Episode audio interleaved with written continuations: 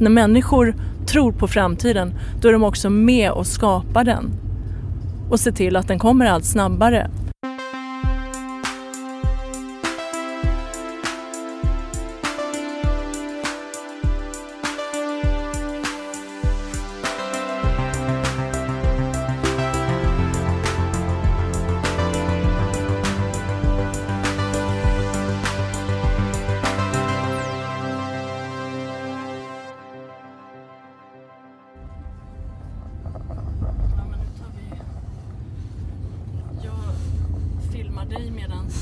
Okej. Okay. Det där meta... Meta-intervju. Ja, där är Heja Framtiden. Jag sitter i en taxi på väg från Googles eh, Stockholmskontor mot Lydman Hotel eh, tillsammans med Dr. Mona Esmeshade. Välkommen till Heja Framtiden. Hej! Du har precis mottagit eh, Warp Award från Warp Institute för eh, årets faktabaserade optimist 2019. Varför eh, vann du det tror du?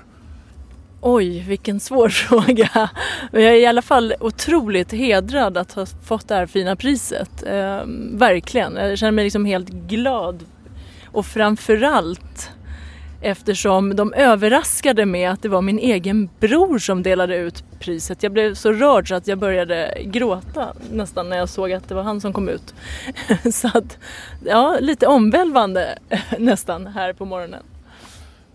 Och du pratar ofta om att vi lever i den bästa världar, bästa av tider. Eh, pratar om mirakel och så vidare. Varför tror du att eh, det fortfarande är liksom nästan en kontroversiell åsikt att se framtiden som väldigt ljus? Vad är din vinkel på det helt enkelt? Nej, men alltså, vi har ju en hjärna som inte har utvecklats de senaste 40 000 åren. Så att det är ju liksom ingen större skillnad mellan oss och grottmänniskan. Och det innebär att trots att vi står liksom på, en, på ett golv som fullständigt lyser upp, liksom, du vet, det är en stor, stor glödlampa under oss men den är täckt med en, en matta så att eh, vi, vi ser helt enkelt inte världen som den är. Utan vi har en hjärna som attraheras till det negativa, till skandaler och katastrofer och att jorden ska gå under när vi faktiskt lever i den bästa tiden någonsin. Vi är de mest privilegierade människorna genom hela världshistorien och vi har bättre möjligheter än någon annan människa har haft genom hela historien att faktiskt skapa en bra framtid. Och det här känns ju extra viktigt som vi pratade om tidigare med uh, unga människor som börjar nu sakna framtidstro. Uh, vad tror man kan, vad ska man göra där? Det är verkligen en av våra viktigaste uppgifter tror jag. Att se till att unga människor, det är ju de som de, de, de brukar ju vara de som känner sig odödliga, de som ser ljuset i mörker. Och nu är de som sagt, de står i ett rum fyllt av ljus. Men de har liksom eh, fått ett skynke över sig som gör att, att de inte ser det. Och, och det, vi måste hjälpa till med att ta bort det där skynket och se till att de faktiskt får se hur det bara fullständigt strålar av möjligheter. Apropå odödlighet, eh, vi pratar om ehm, livsförlängning och eh, åldrande och så vidare. Hur nära är vi att liksom knäcka den gåtan tror du? Ja, men om man håller sig frisk de närmaste 20 åren så kommer man vara med om en revolution inom det området som gör att vi kommer att leva extremt mycket längre och eh, i princip bli odödliga. Det handlar om decennier och inte mer. Alltså den revolutionen som vi har sett de senaste 20 åren inom med mobiltelefoner och internet. Där står vi idag med hälsa. Vi kommer göra den revolutionen och det kommer förändra allt. Och eh, du är inne på liksom livsstilsfaktorer eh, som kan förlänga livet något. Du pratar också om eh, ensamhet och närhet och mening och, och sex. Varför är de här bitarna så viktiga för liksom ett långt och lyckligt liv?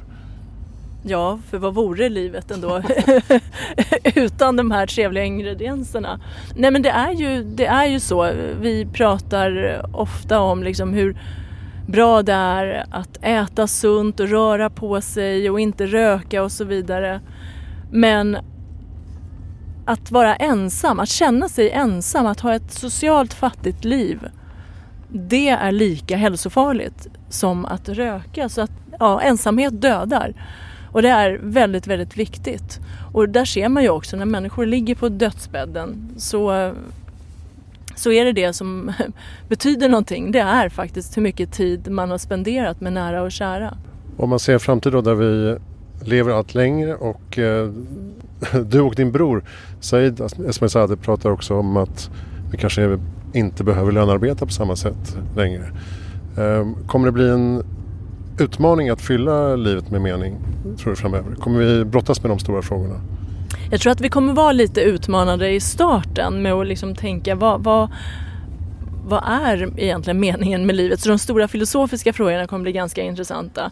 Men jag tror ju verkligen att människan är outtömligt kreativ så att säga. Alltså jag tror att vi bara, det kommer bara öppnas nya världar för oss där vi eh, kan utöva vår kreativitet. Just nu så är vi ju ändå låsta i att vi behöver till exempel arbeta för att tjäna pengar och ha mat på bordet. Och vi kommer gå en tid till mötes där vi inte kommer att arbeta för att tjäna pengar utan vi kommer göra det vi tycker är kul och det vi känner är meningsfullt. Um, och det här kommer gälla alla människor på jordklotet. Alltså vi är ju, liksom just nu befinner vi oss i en unik tid i historien där vi för första gången kan börja drömma om en tid utan fattigdom och svält och utan sjukdomar. Vad är ditt bästa tips för att göra världen bättre i framtiden? Mitt bästa tips för att göra framtiden bättre det är att sprida fakta, sprida framtidshopp. Därför att när människor tror på framtiden då är de också med och skapar den och se till att den kommer allt snabbare.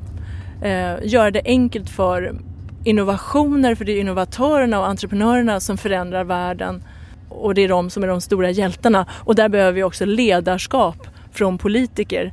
Se, se till att världen blir det vi vill. Alltså för första gången så har vi så här mycket makt i våra händer. Vi kan leka Gud och vi kan bestämma om vi vill ha en värld utan fattigdom och, och svält, om vi vill ha en värld där, där, alla människor får de bästa förutsättningarna eller om vi inte vill det. Så att det handlar om att ta ledarskap och se till att framtiden blir ljus. Tack snälla Mona Esmailzadeh för vår tid. Nu är taxin framme över Lidmar. ja. Eh, tack för att du var med i Heja Framtiden. Tack snälla. Jag heter Christian von Essen. Kolla in hejaframtiden.se. Tack för att du lyssnade.